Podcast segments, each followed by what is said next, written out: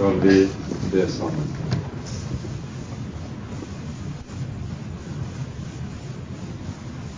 Kjære gode Gud og Far. Takk at vi skal få lov til å komme sammen i ditt navn på ny. Fordi du har kalt oss inn i ditt rike, at vi skal tilhøre deg og få lov til å være arvinger til hele ditt rikes herlighet. Vil du lære oss å se noe av hva du har gitt oss? Og vil du selv komme og undervise oss og føre oss inn i ordet ditt, at vi kan kjenne deg med stadig. Kom, Herre du, og åpne våre øyne og våre hjerter og vær du den som taler imellom oss. Amen. Det kapitlet vi skal bevege oss inn i i dag, det er andre Samuels boks syvende kapittel. Og dette kapitlet inntar en helt særegen og sentral plass i Guds rikes historie. Og det skal vi se noe av og undersøke litt nå i dag.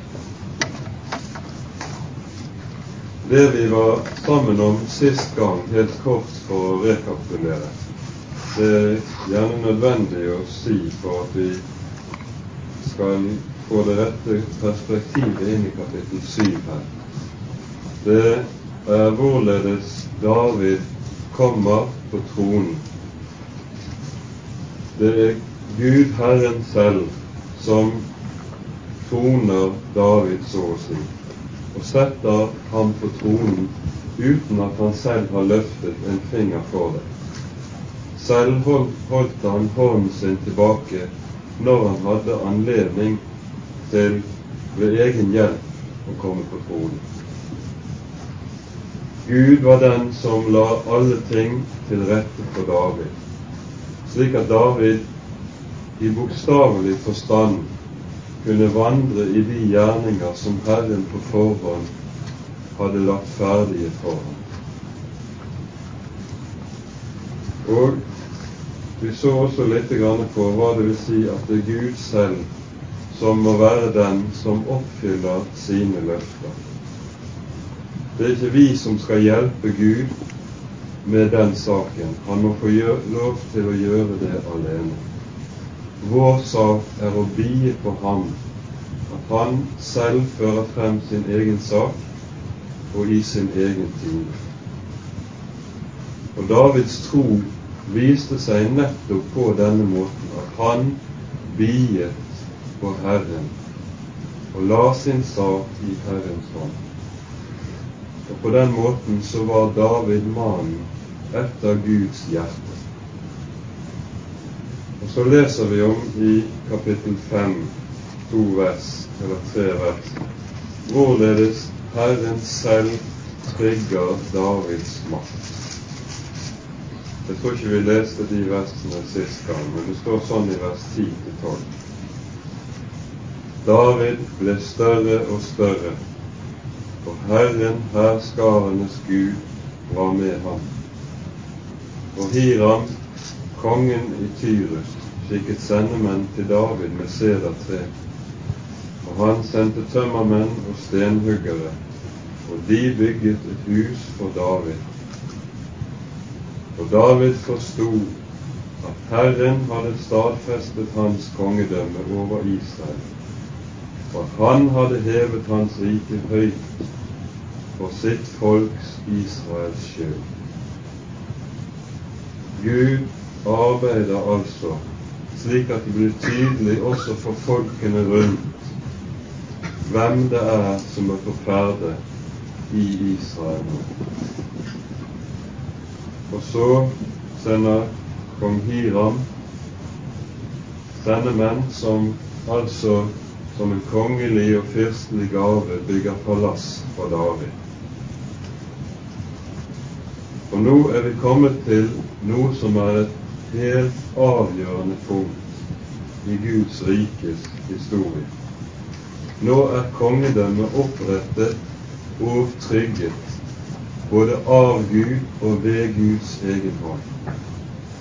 Og i kapittel 6 leser vi om hvorledes David fører arken til Jerusalem, den som har vært glemt og gjemt i en årrekke helt siden filistrene sendte den tilbake under Samuel. Så sto den bort igjen i en liten bygd, Kiryat Shearim, langt ute. Og Israel hadde egentlig ingen helligdom hvor de kunne tilbe og ofre til Herren sin liv. Dette gjenoppretter David i Jerusalem. Og dermed ser vi to av de helt grunnleggende institusjonene i Israels historie er samlet og gjenopprettet i sin egentlige skikkelse, nemlig kongedømme og prestedømme eller offertjeneste. Den tredje av de grunnleggende institusjonene i Israel er profetdømme og profettjenesten. Det skal vi komme tilbake til ved en senere anledning. Når vi dermed er kommet til dette tidspunktet i Guds rike, så kan vi vente at Gud vil gi et videre utblikk over historien. For vi har sett det ved flere anledninger at Gud ved noe som er en saks begynnelse, alltid handler slik at han i begynnelsen like som gir utblikk over hele den videre fortsettelsen inntil enden. I Isaiah 46,10 sier Gud om seg selv at 'Jeg er Herren, Han som fra begynnelsen forkynner enden'. Og Derfor ser vi også, det har vært sammen om flere ganger, hvorledes Gud i forbindelse med fødselsberetningene til sentrale personligheter, like som i et nøtteskall innbefatter hele deres livs virke i en sum allerede i beretningen om deres fødsel. Og På den måten så kunne vi også vente at beretningen her om kongedømmets begynnelse og samlingen av Israel i Jerusalem. Her skulle vi liksom også kunne vente og få et samlet utblikk over det som skal skje inntil enden. Og det er nettopp det vi ser skje i 2. Samuel kapittel 7. Og jeg tror vi leser disse versene fra vers 1 til 17.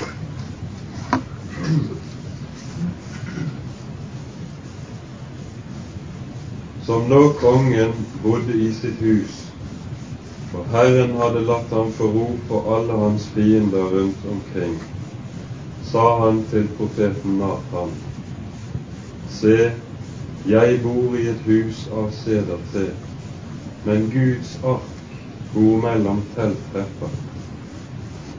Nathan sa til kongen, gjør du bare alt det du har i sinne, for Herren er med deg. Men samme natt kom Herrens ord til Nathan, og det lød således. Gå og si til min tjener David, så sier Herren, skulle du bygge meg et hus å bo i. Jeg har jo ikke bodd i hus like fra den dag jeg førte Israels barn opp fra Egypten, og til denne dag. Men jeg vandret om i et telt, i et tabernakel, hvor jeg så vandret om med alle Israels barn. Har jeg vel noensinne talt således til noen av Israels stammer? som jeg satte til å vokte mitt folk Israel. Hvorfor har dere ikke bygget meg et hus av sedertre? Derfor skal du si således til min tjener David. Så sier Herren herskaren si, jeg tok deg fra havnegangen, hvor du gikk, gikk bak fårene, for at du skulle være fyrst over mitt folk Israel. Og jeg var med deg overalt hvor du gikk, og utryddet alle dine fiender for deg. Og jeg har latt deg vinne et stort navn, så stort som de størstes navn på jorden. Og jeg har gjort i stand et bosted for mitt folk Israel.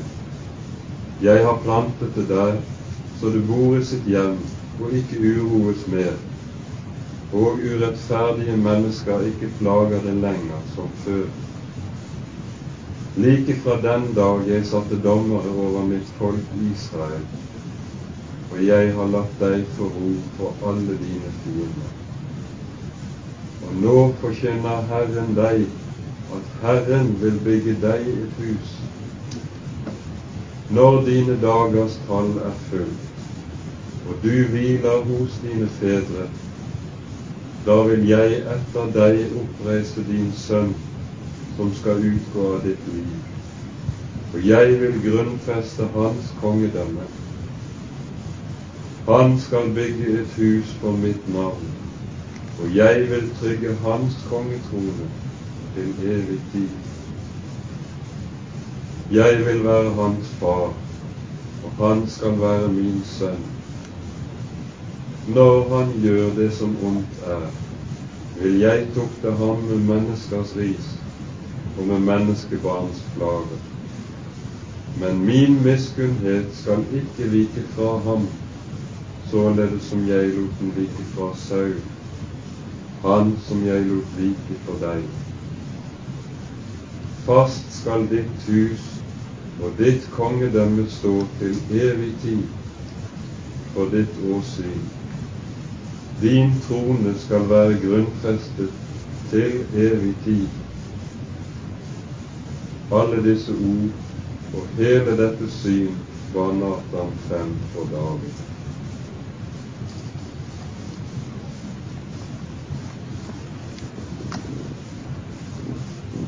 Disse versene vi har lest sammen nå, de kalles gjerne for Natan forgjettelsen, rett og slett. Natan var den viktigste profeten i Israel på Davids tid. Og navnet Natan betyr 'han som er gitt'. Altså, det taler om Guds gave. Og er det noe denne forgjettelsen gir David, så er det gave. Her tar profetien i Israel et langt skritt fremover. Og Messias-profetien tydeliggjøres og konkretiseres på en måte som vi ikke har sett tidligere i Israels historie. Tidligere har den Messias-profetien vært mye mer generell, og vi kan vel nesten si upersonlig også. Nå ut av dette springer bildet av en meget tydelig person. Og vi ser ut ifra alle de profetier som videre bygger på denne forgjettelsen, hvorledes Jesus Messias er frem for våre øyne, meget klart tydelig. Først skal vi bare se på et par ting i innledningen til beretningen. I vers 2 så ser vi Davids ord til Nathan. Det er et naturlig ønske David ytrer her. David skylder Herren alt. Alt har Gud gitt ham. Og Herren er Davids hyrde, og David mangler ingenting. Han er opphøyet ikke bare i Israel, men over alle folk, så Israel på denne tiden er blitt en stor makt i sin omverden. Og så synes han liksom at han, der han bor i sitt palass, i stor kropp. Det hører liksom ingen steder hjemme at han skal bo slik i herlighet.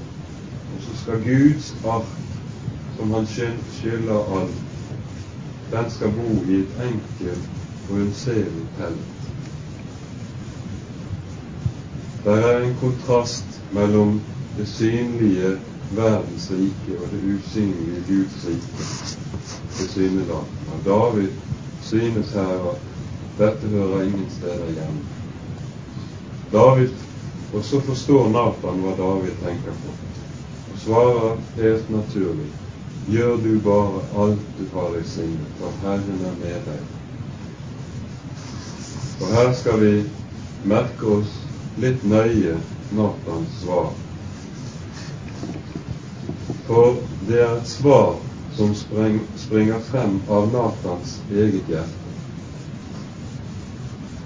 Og vi ser her at nettopp dette Davids ønske om å bygge Herren et hus, som Nathan, Nathan understøtter, det stanser Gud ved Natans profeti. Dermed skulle vi lære en sannhet som vi har meget tungt for å ta til oss, nemlig denne at fordi om noe springer ut av et oppriktig ønske om å tjene Gud og herliggjøre Guds navn, noe som er et fromt og inderlig ønske, så er det ikke dermed gitt at dette er fra Gud, og at man tjener Gud ved å gjøre det. Alle ting skal prøves på Guds eget ord, selv det som ser finest og frommest og best ut. Ingenting skal vi springe av gårde med uten videre. Dersom dette ikke var tilfellet, så ville vi legge alt Guds rikhet åpent for den fullstendige subjektivitet. Og det er jo det vi veldig ofte gjør i praksis, nemlig at vi tenker og tror som således. Bare en tanke, en idé, en plan, et prosjekt kommer fra en som er en from Guds mann, og ut ifra fromme og gode ønsker og hensikter, så kan vi være med på det, for det må jo være fra Gud. Det er ikke sikkert. For det må mer enn et menneskes tanke til. Det må stadfestelse ovenifra til før noe kan stå der som at det er gitt fra Gud. Her stanses David nokså umiddelbart, akkurat som Peter stanses på herlighetens berg når de har sett Jesus herliggjort i Matteus 17. Det er en ganske nøyaktig parallell mellom disse beretningene. Sentrum i Guds løfte til David finner vi i slutten av vers 11. Det er ikke David som skal bygge Herren et hus, men det er Herren som skal bygge David og sitt folk et hus. Og dette utdypes så og konkretiseres i de følgende versene. Og vi skal merke oss at dette som sies, at Herren vil bygge David et hus, det er noe som nettopp springer ut av, og som Gud liksom bygger på Davids erfaring fra tidligere. For hva er det Gud har gjort i Davids liv tidligere? er nettopp dette å grunnlegge, grunnfeste og bygge for David David er ikke den som har bygget kongedømmet i Israel. Det er Herren. Og nå kunngjør Herren David at dette sitt verk, det vil han fortsette å fullbyrde inntil han kommer som er den Israels egentlige konge og fyrste og herre, og som David egentlig bare er et forbilde på. Vi kunne spørre hvorfor får ikke David bygge? Dette svares der på i første krønikerboks 20. kapittel. Jeg tror vi skal slå opp der. Unnskyld, jeg sier galt. Det er det 22. kapittel.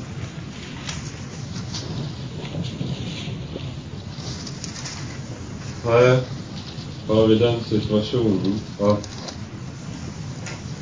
Salomo skal innsettes som konge.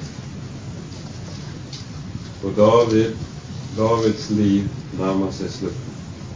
Og Så kaller David Salomo til seg for å formane ham om det som er hans fremste oppgave som konge.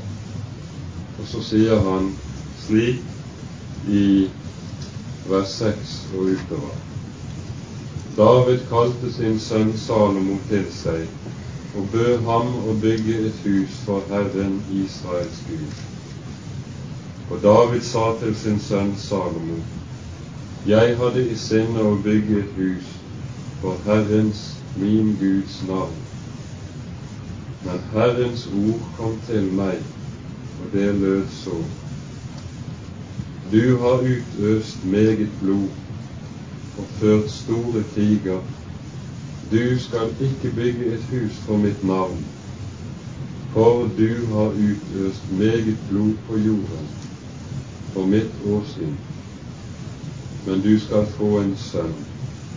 Han skal være en fredens mann, og jeg vil la ham få fred for alle sine fiender rundt omkring. For Salomo skal være hans navn, og jeg vil la Israel ha fred og ro i hans dager. Han skal bygge et hus for mitt navn. Han skal være min sønn, og jeg skal være hans far.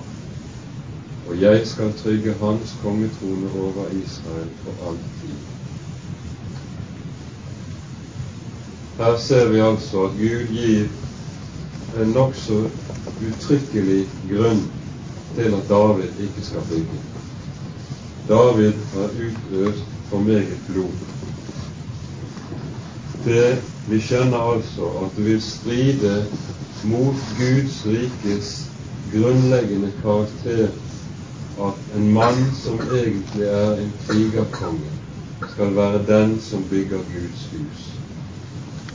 Det skal være han som er fredens konge og fredsfyrstens forbilde. Navnet Salomo kommer nemlig av det hebraiske shalom, som betyr fred.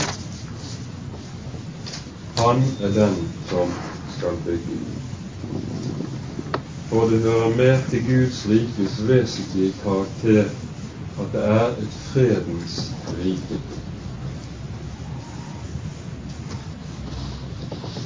Men vi ser, når vi ser på Israels videre historie, at fra nå av er Guds evige rike og Messias rike ved dette. Det er uløselig knyttet til Davids navn. Det er ved Davids navn er overalt hvor det taler om Messias, levet inn i hans gjerning. Og så ser vi at Gud likesom i dette stadfester Davids og hans ætts kongedømme for evig tid. I første Samuels boks 13. kapittel leser vi om hvorledes Gud sier til Saul etter at han hadde falt, fordi han, ved vantro ikke biet på Herren, og sier Gud til Saul at dersom du ikke hadde gjort dette, ville jeg nå stadfestet ditt kongedømme for evig tid fordi du gjorde det, dette, vil jeg ta riket fra din ett og gi den over til en som er det mer verd. Og Nå er det altså David som oppnår dette Guds.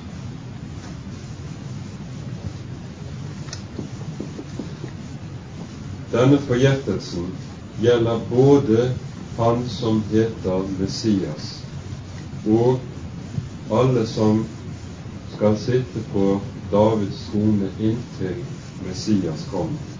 Altså, og Det skjønner vi ut ifra den sammenhengen vi leste her i kapittel 7. At det gjelder ikke Jesus Messias eksklusivt, men det gjelder alle Davids etninger som overhodet sitter på Davids trone. Og det er særlig to David av Davids slekt det siktes til.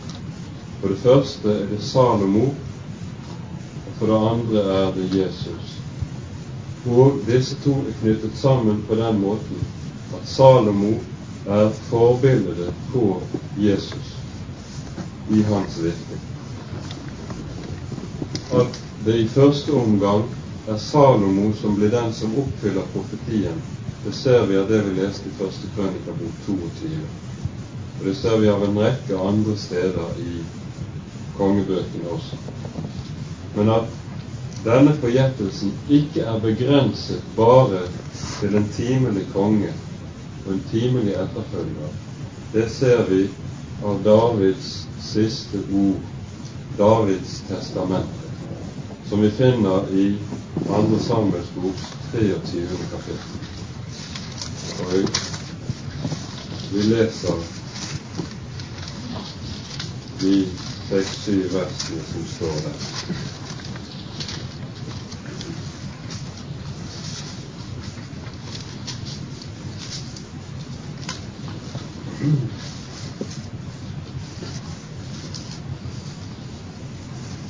Her har vi dette som kalles for Davids siste ord.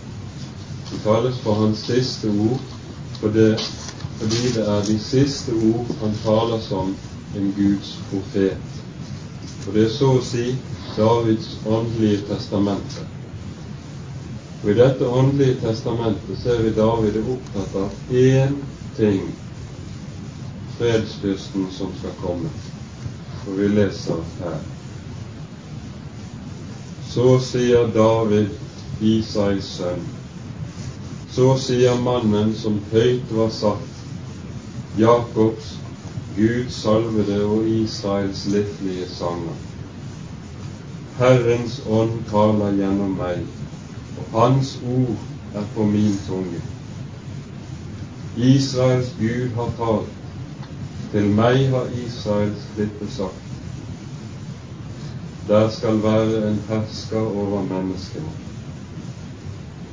En rettferdig, en hersker i Guds plikt.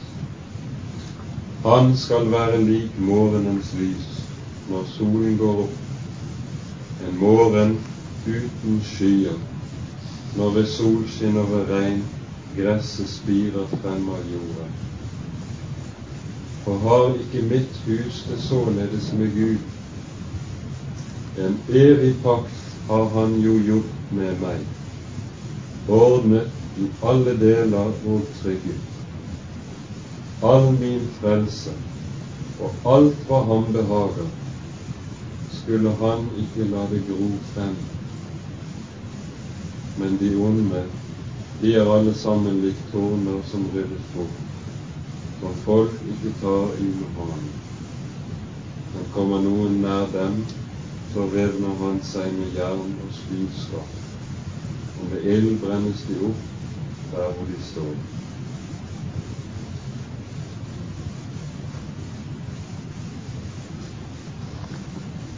Her vi skal komme tilbake til denne Davids åndelige testamente litt senere.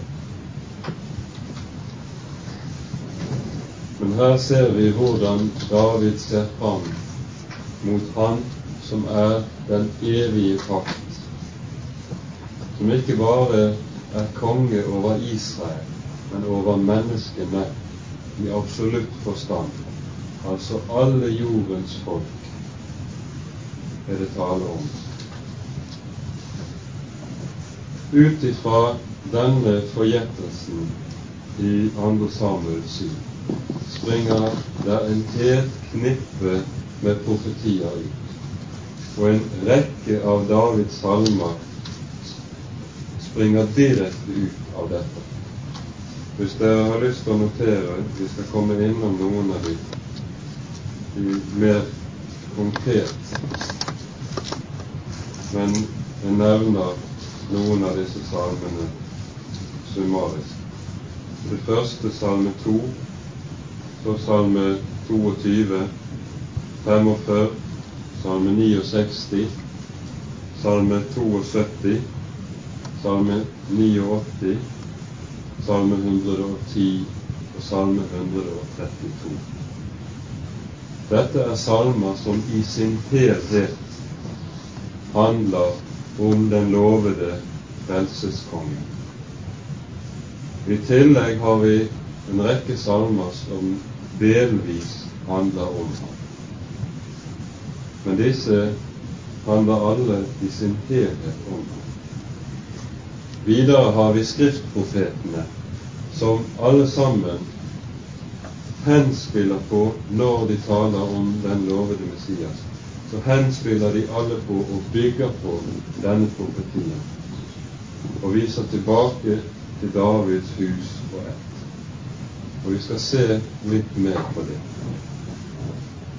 For det første når den lovede frelser kalles Messias, så er det noe som peker tilbake hit. Fordi dere vet at navnet Messias det er et hebraisk ord som egentlig direkte oversatt betyr 'den salvede', og som altså henspiller på den skikk at kongen i Israel ble innsatt ved at hans hode ble salvet med olje. Og Derved ble han også utrustet med Den hellige ånd og gjort skikket til sin tjenestegjerning. Når det er tale om den salvede i absolutt forstand, i, altså Messias i absolutt forstand i Bibelen, så er det først og fremst kongegjerningen, Messias kongegjerning, det tenkes på. Vi kan jo bare tenke på hva David svarer mennene i hulen når de vil ha han til å drepe Saul, så svarer han nei, Herrens salvede er han. Altså Herrens Messias er han, sier David, hvis vi skulle si på hebraisk. Og ellers i Gamle Testamentet, når det er tale om kongen, så kalles han den salvede.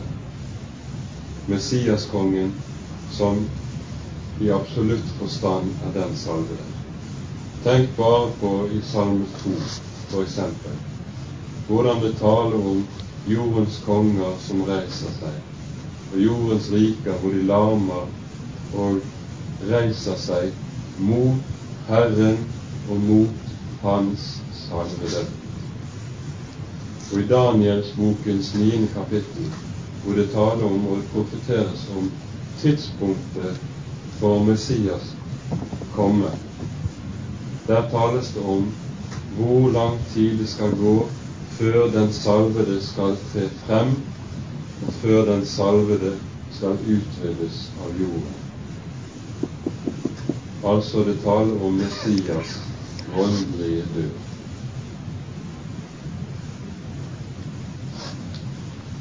I forlengelsen av dette så ser vi også hvordan Jesus i Det nye testamentet kalles for Davids sønn. Gjentatte ganger når mennesker er i nød og møter Jesus, så roper, vi, roper de på ham. Du Davids sønn, miskunne deg over meg. Og vi husker gjerne hvordan engelen Gabriel kommer til Maria og sier at 'jeg vil gi ham hans far Davids trone'.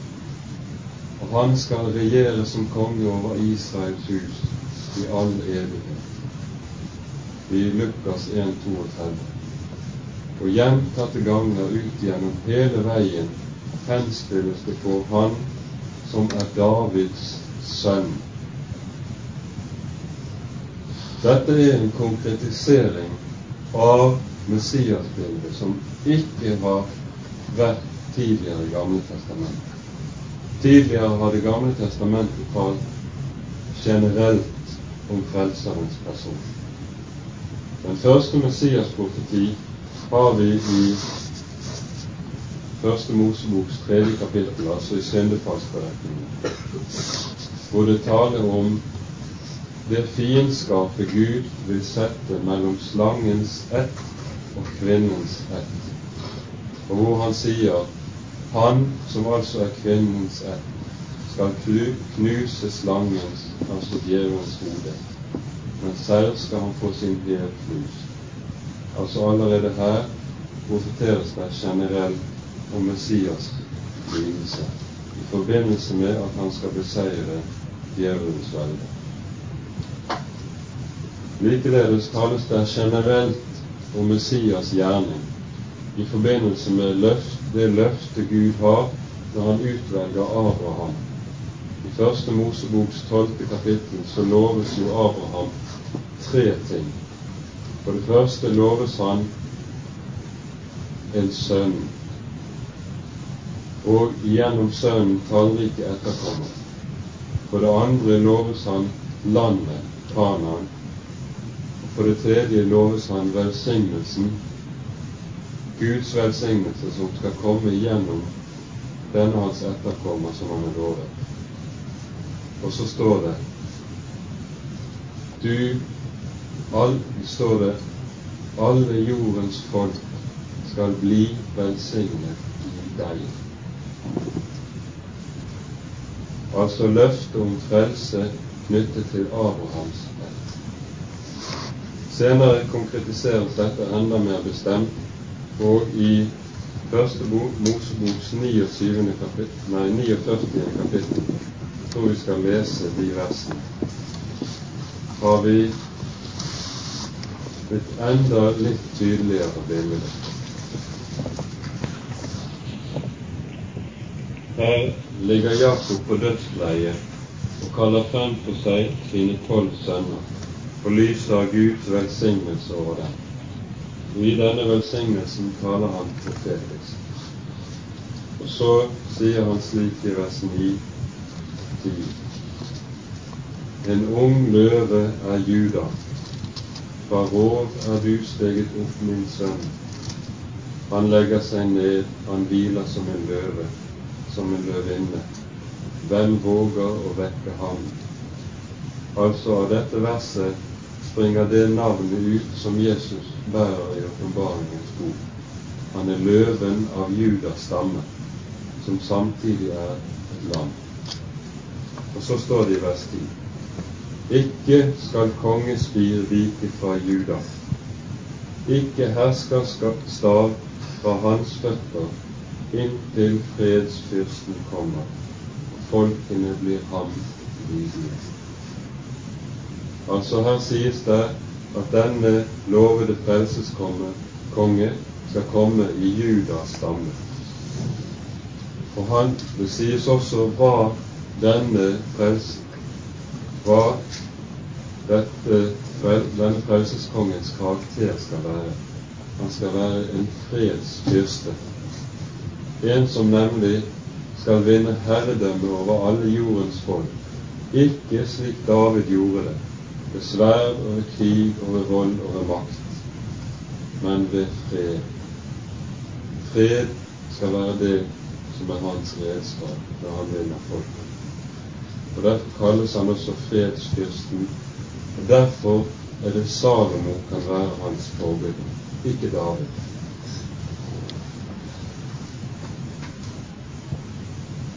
Senere ser vi at profetene taler enda mer konkret om ham.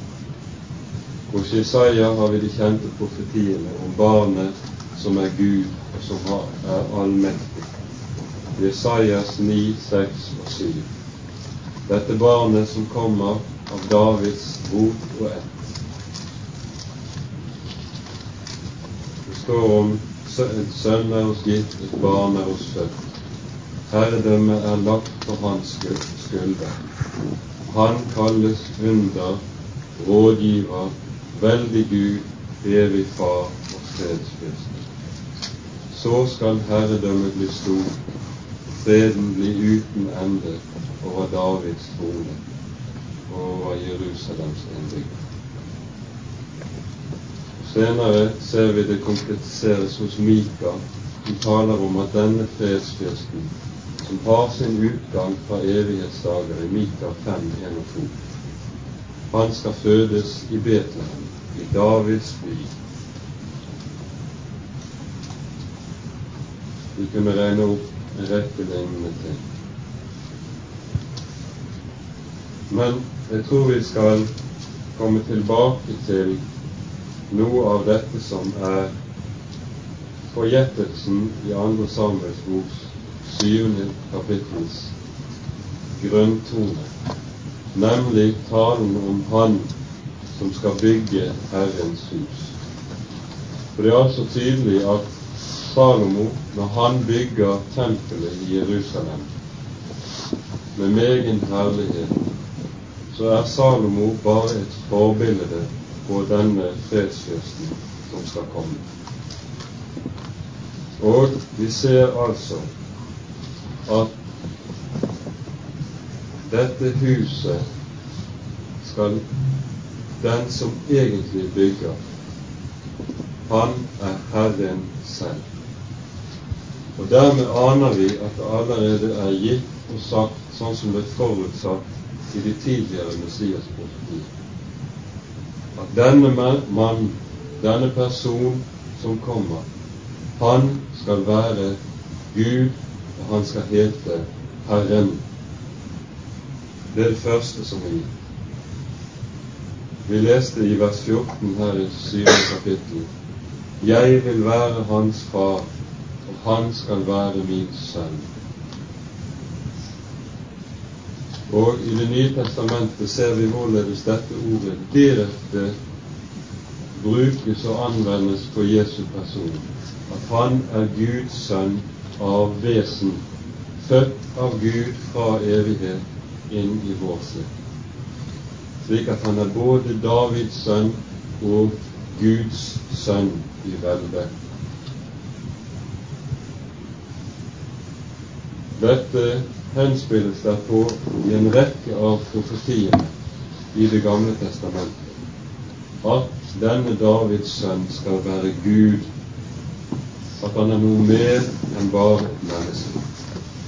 Det sies allerede i Salme 2 hvor vi godt kan lese vers.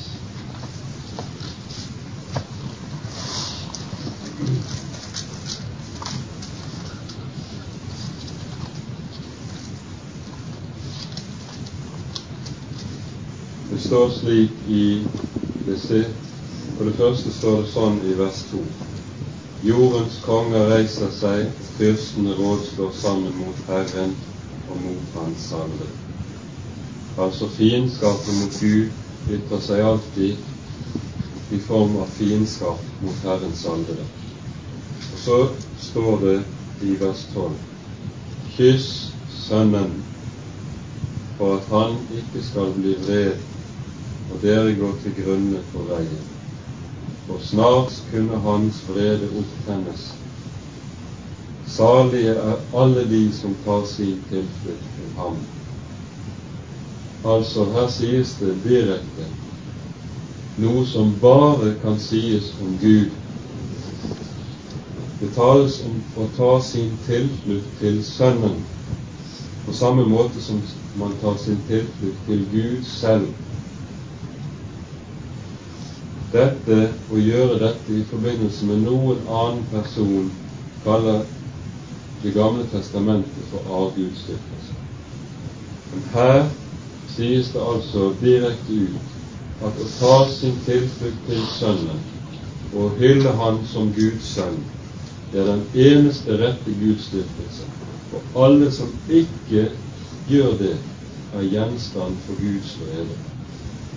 Dette ordet henspiller Johannes på i Johannes 3, 36, hvor det sies uttrykkelig at den som har tro på Sønnen, har evig liv. Men den som ikke vil tro på Sønnen, over ham blir Guds vrede. Altså, menneskene skal ikke lenger dømmes etter hvorvidt de er store eller små synder, om de er grove og onde mennesker, eller om de er gode mennesker. Den slags teller ikke med i domsavsigelsen. Ett kriterium på dommen, nemlig forholdet til Sønnen. Intet annet kommer inn i bildet. Videre tales det om i Salme 110, en salme som omtales gjentatte ganger og siteres gjentatte ganger i Nyttestamentet. Herren sa til min Herre Han ble henrettet for Guds bespottelse fordi de sa han hadde gjort seg selv til Guds sønn. Senere tales det om Jeremias 23. kapittel, som er et kjernevers i denne sammenheng.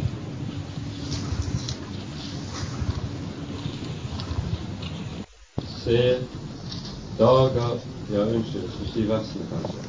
23 vers 5 og 6.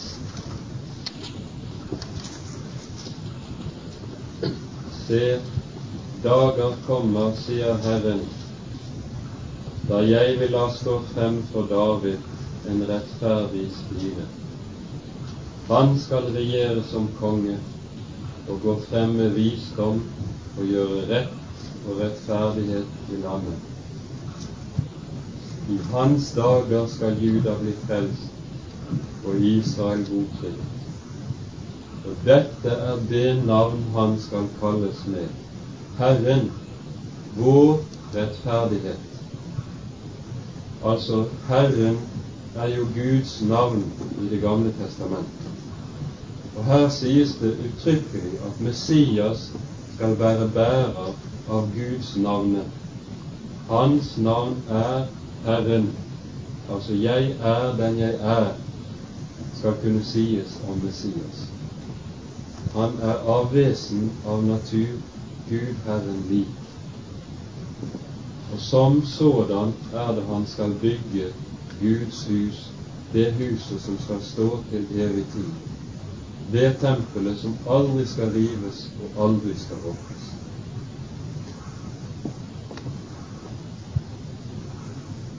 Nå vet vi at dette bildet om tempelet og huset som Messias skal bygge, det henspilles derfor en rekke ganger i Det nye testamentet. Vi husker kanskje ikke så ofte at dette bildet henspilles der også på, og vi får vesentlige trekk i dette bildet også i Det gamle testamentet. En av de vesentligste profetiene om måten dette, denne husbyggingen skal skje på, har vi i Salme 118, vers 26, der det står slik Den sten som bygningsmennene forkastet, er blitt hovedhjørnestenen. Vi har allerede talt litt om den Messias lidelse som han skulle igjennom, og at han ble forkastet nettopp fordi han var og kalte seg for Herren Guds sønn. Han var den sten som bygningsmennene forkastet. Men så må vi spørre hvorledes ble han hovedhjørnesten i tempelet og ble den rette tempelbyggeren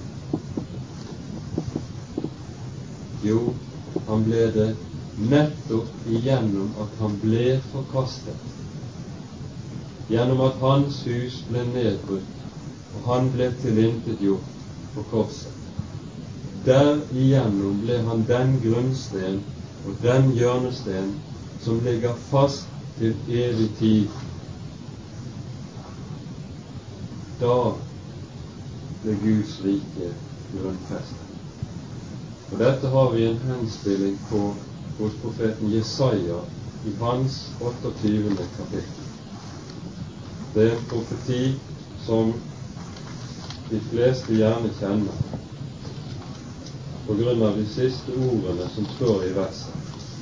Men her skal vi stanse litt på de første ordene i dette verset.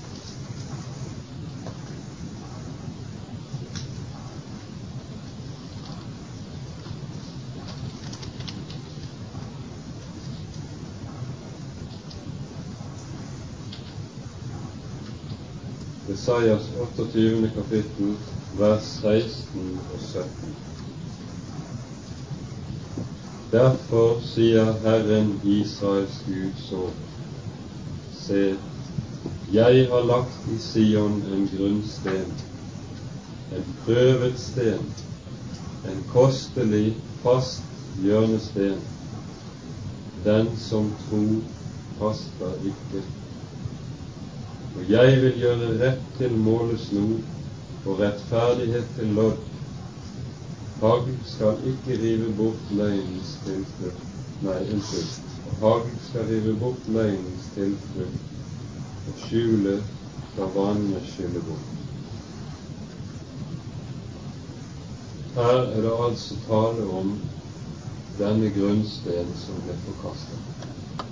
Og hva er det som karakteriserer denne grunnsteinen? Det er tre ting. For det første sies det at det er en grunnsten som er prøvet. Hva betyr det? Jo, det betyr at han som er byggmester, og som har greie på materialer, han har tatt for seg stenen, prøvet og undersøkt den.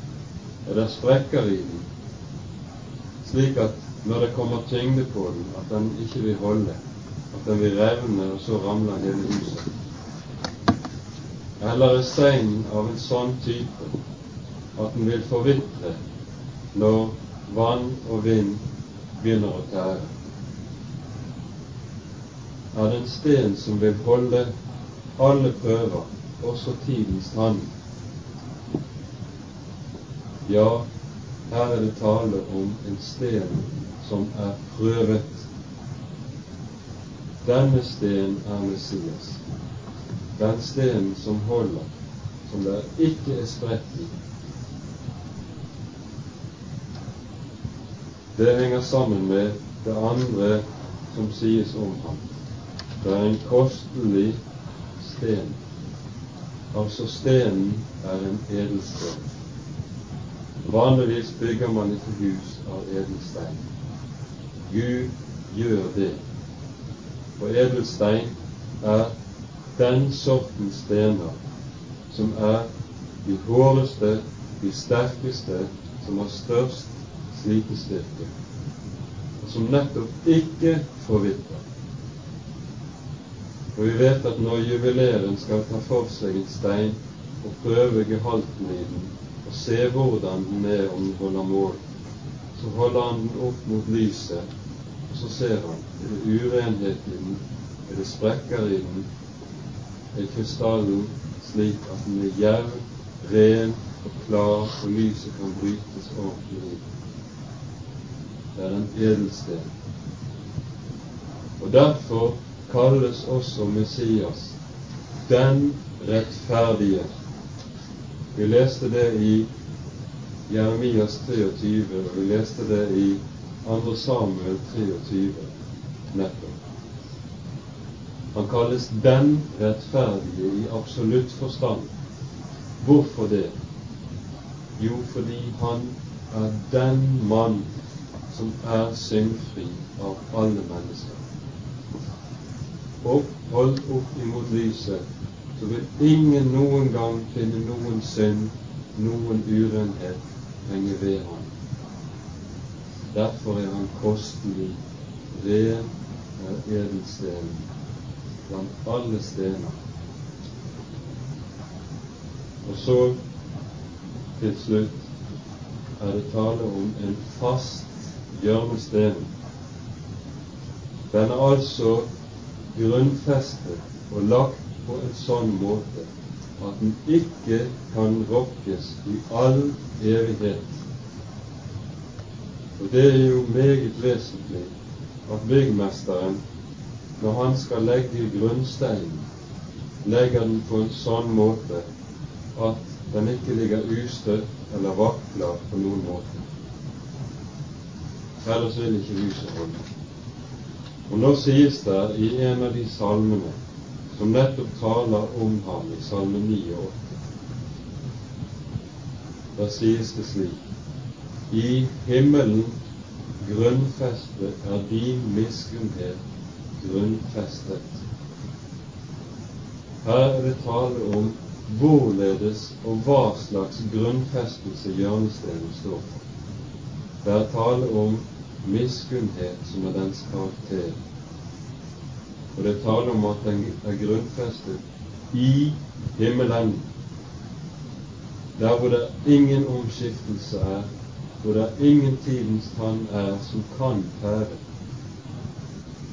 Den er ikke grunnfestet på jorden. Jødene har en forunderlig utleggelse av det første verset i Første Mosebok. I begynnelsen skapte Gud himmel og jord, står det der. Så sier de når en byggmester skal bygge et hus, så begynner han vanligvis med grunnmuren og murer nedenifra og oppover. Når Gud skal bygge sitt hus, altså skaperverket, så gjør han omvendt. Han begynner ikke nedenifra, han begynner ovenifra himmelen. Og Bare på den måten kan huset stå fast og være grunnfestet. Og dette gjelder i dobbelt forstand om Han som er Messias. Grunnfestet i evighet fordi Gud har begynt i himmelen, og der grunnfestet han. Når han som er Messias, skal bygge Guds hus, så henger det en annen ting sammen med det.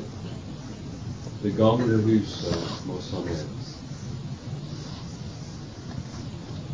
Derfor ser vi at talen om og løftet om Guds hus, når det tales om dette i Det nye testamentet, det si, utlegges nettopp i forbindelse med at det gamle tempelet skal nedrives. Tenk på i Johannesevangeliets andre kapittel.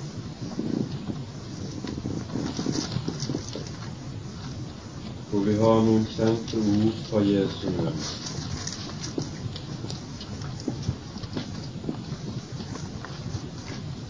Her har Jesus drevet fremmede ut av tempelet, disse som vanhelliger huset.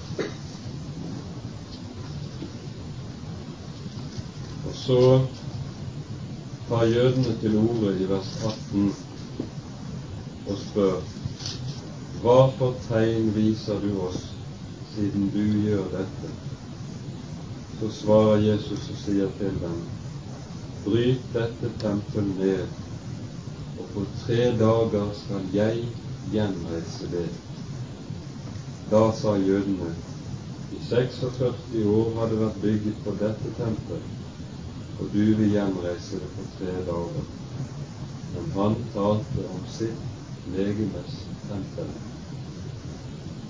Det synes ofte, når vi leser dette, disse versene løsrevet fra sin sammenheng i Gamle testamentet, at ordene blir underlige. Men nå aner vi at det har en uhyre dyp betydning. Her grunnfestes tempelet på tre dager. Han er det egentlige og det eneste Guds tempel, og det andre må falle og må forvitre. For dette som nettopp skjer på Jesu tid, er jo at alt Israels hus er gått fallitt. Kongedømmet i Israel har spilt fallitt. Kongene har vært avgudsdyrkere i slekt etter slekt. Og til slutt har de ikke klart verken å være hyrder eller verger for folk. Profetene har likeledes spilt fallitt. De har vært falske og ødelagt og forskuslet Guds ord i stedet for å bygge Israel ned. Og likeså presten. Det må rives alt sammen. Så taler tales der om gjentatte ganger nettopp i profetien om at i samband med at Guds hus skal bygges, så rives det gamle ned fordi Messias er den som kommer i dommens tid til det folk som er under Guds dom, og tar seg av dem bygge opp på ny det som ligger i ruinen. Så ser vi hvordan Det nye testamentet videre, videre taler om at den kristne menighet er dette Guds tempel. Første Peters brevs andre kapittel har vi kanskje det klareste ordet om dette.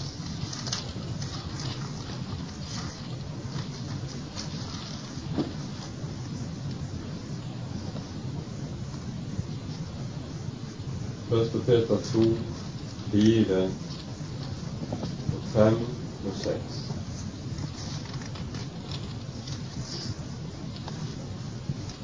kom til ham, den levende sten, som vel ble forkastet av mennesker, men er utvalgt og kostelig for Gud. Og bli også dere oppbygget som levende stener til et åndelig hus, hellig presteskap, til å frembære åndelige offer som tekkes Gud ved Jesus Kristus.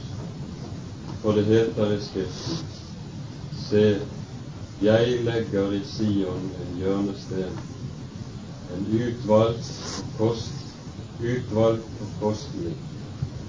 Den som tror på ham, skal ingenlunde bli til skam. Her er det bygget med rett og rettferdighet som målesnor. Og vi skal godt merke oss uttrykket 'levende sten'. Dette uttrykket sikter visstnok til at en sten som ikke er hugget på arabisk og ut ifra hebraisk språkbruk, kalles for en død sten. Men når den er hugget til og passe til slik at den kan anvendes i bygningen, så kalles den for en levende sten. Kom til ham, den levende sten. Han er hugget til gjennom lidelse. På lignende vis tales det om i Efeserbrevets andre kapittel om hvorledes de kristne er bygget opp som et hellig tempel på apostlenes og profetenes grunnvoll. Disse som nemlig hadde én oppgave å vinne om Han som er Messias konge. Og dermed får vi kanskje også lys over disse underlige ordene som vi har i første Korinterbrev, tredje kapittel.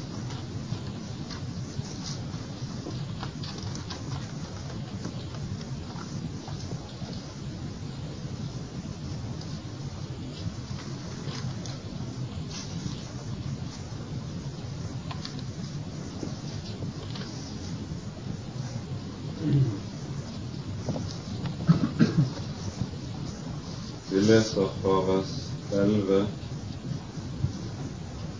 til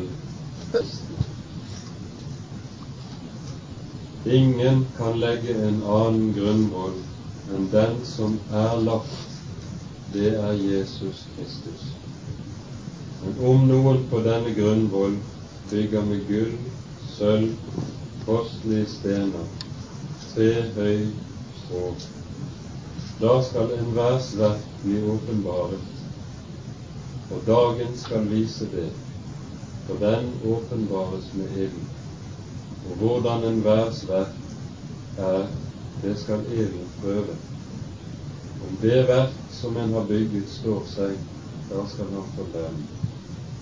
Og om ens verk brenner opp, da skal han tape lønnen, men selv skal han bli frelst, dog således som gjennom ild. Vet dere ikke at dere er Guds tempel, og at Guds ånd bor i dere? Her ser vi først i vers 11 om grunnvollen og hjørnesteinen, som er den Herre Jesus Kristus. Den er lagt der, og det er bygget ferdig. Vi mennesker kan ikke gjøre noen ting til eller fra, for det er Guds eget verk som er fullbrakt. Og Derfor sto det også i profetien i Isaias 8, Den som tror haster ikke. Han skal få lov å hvile på denne grunnvollen nemlig. Og så står det om de videre bygningsmaterialene som kommer oppå. Noe er gull, sølv eller edle stener, altså materialer som tåler ild, og som tåler prøve. Og noe er av sånn materiale som brenner opp i ild. Og hva er forskjellen på disse to tingene? Hvordan skal vi forstå dette? Jo, den som skal bygge Herrens tempel, er den samme som var i gang. Guds tempel kan bare bygges gjennom Guds egen gjerning og gjennom Guds eget ord. Guds tempel kan aldri bygges med menneskeverk eller menneskelige tiltak. Derfor hadde tempelet som David hadde tenkt å bygge, dersom han hadde gjort det, fordi det var noe som sprang ut av hans egen tanke, blitt palm, høy, strå som hadde brent opp som han hadde gjort. Men fordi Messias selv kommer, fullbyrder sin hjerne og ønsker å fortsette å fullbyrde den i våre liv og i sin menighet, som er hans tempel,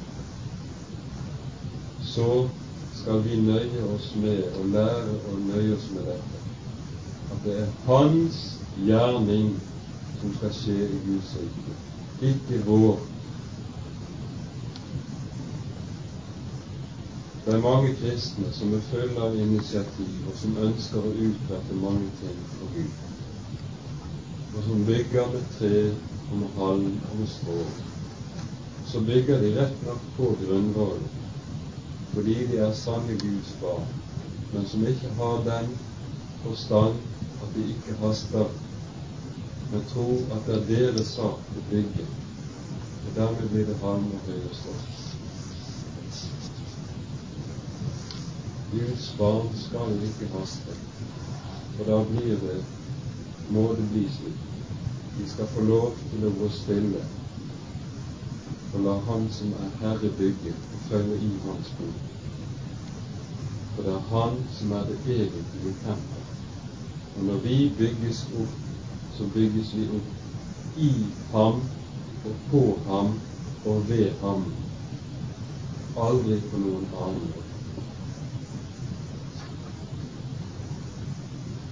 Da begynner vi kanskje å få lov til å se det at det som gjaldt for David, det skal også få lov til å gjelde for oss. Herren er den som skal bygge oss et hus, og vi skal få lov til å hvile i hele vår tyngde på Han som er grunnvollen, fordi Han er sterk og prøvet til å kunne bære og kunne tåle hele vår tyngde. så står løftet der også i Salme 127 at om disse premisser får lov til å stå fast, så står det slik Dersom Herren ikke bygger huset, bygger vi forgjeves som bygger på. Da er det høye.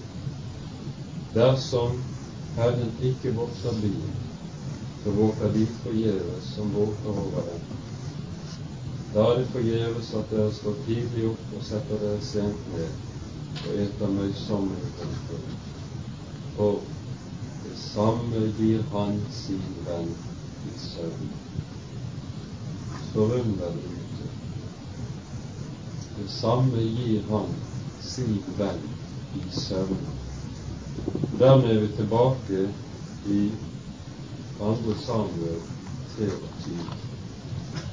For hva sto det der om den pakten som Gud har sluttet med David? Jo, det, hva var det som karakteriserte denne pakt?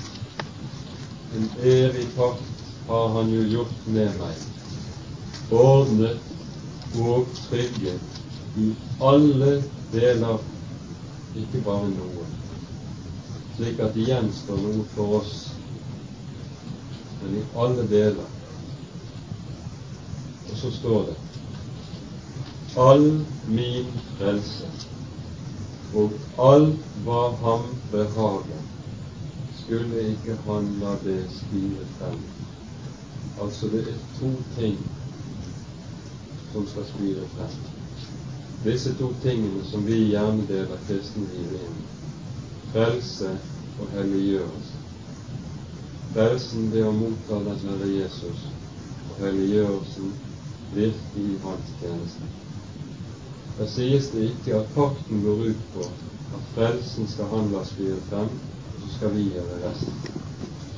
Men det står all min frelse og alt hva han behager i fortsettelsen skulle ikke han la det spire frem.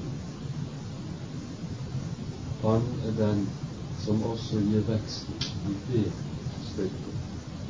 Han er den som også skal bygge i det stykket. Vår sak er å la ham få lov til å bygge og følge etter ham i stedet for å spille på.